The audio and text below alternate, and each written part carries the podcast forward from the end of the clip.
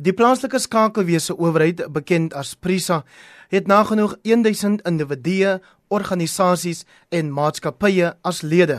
Dit wissel van beginners tot maatskappye op die vlak van die nou berigte Bell Pottinger.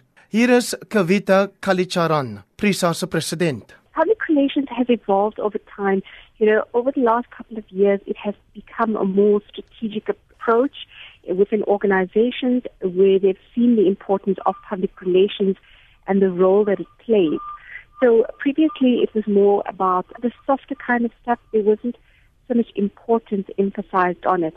Now public relations goes as far as having a seat in the boardroom or exco level. Kali Charan verduidelik die verloop van die reguleringsproses.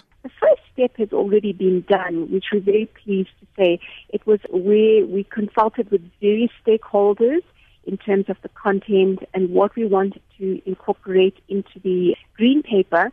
We opened it out to various industries, uh, various academics came on board, they gave their input.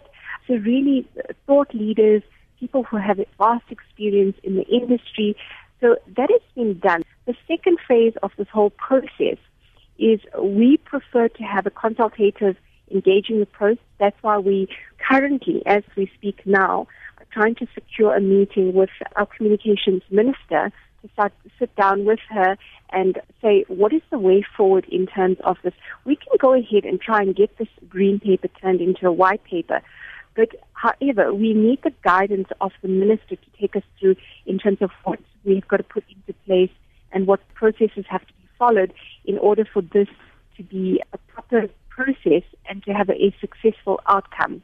And, you know, for people have asked me in terms of a timeline, can you say when will this be legislated? Unfortunately, because it's waiting on the availability of the minister and processes and procedures that we've got to put into place tied into the green paper, we cannot say that it's going to take six months or a year and, you know, and shoot ourselves in the foot. En hoe goed reken sy het selfregulering tot nou gewerk? In terms of self-regulation of our industry, we have the foundation of what we believe and stand for uh, tied into the Code of Ethics and Professional Conduct. So this is a, a sort of guidelines that we use as an approach with our members as well as the way we operate within the industry. So if you sign on as a member, you essentially are signing on the dotted line saying you are going to abide by these code of ethics and professional conduct. If you bring the industry or operating from an ethical point of view, we will conduct it similar to what the PRCA has done. A committee sits, they deliberate, the evidence is uh, provided from uh, the person or agency, and then we have the finding, we'll communicate the finding. From a self-regulated point of view, that is how we approach it. Bell Pottinger se skuldige bevinding daaraan dat hulle deur hul werk vir die Guptas rasseverdeling in Suid-Afrika aangeblaas het, word deur Kalicharan voorgehou as 'n les vir plaaslike skakelpraktisyns. They were presented with a possible prospective client.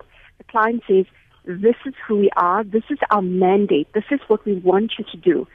There and then, they could have walked away and said, these are our values. This is what we stand for.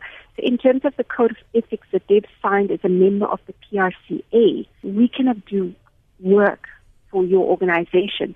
I've seen it recently in one of the emails and, and all the correspondence that is being coming up recently, where they, it's mentioned they could not walk away from a retainer of this magnitude, and it may possibly be a huge, might be substantially more should they continue to work on this account. So that is the crux of it. I mean, and there's no accountability to this. But that is what my take is on in, in terms of what they did, what went wrong. Maar dis nie asof daar nie prisa lede is wat voor Bell Pottinger oor die vingers getik moes word nie. Dit was darem nie so erg soos met Bell Pottinger nie, keer Kalicharan. There haven't been a lot of cases, but there have been a few. Obviously, we cannot disclose the names of these individuals or agencies, So it's taking on work and behaving unethically. So propaganda, you know, half truth. So when you publish a press release or an article that could have been, they haven't spoken the entire truth in there.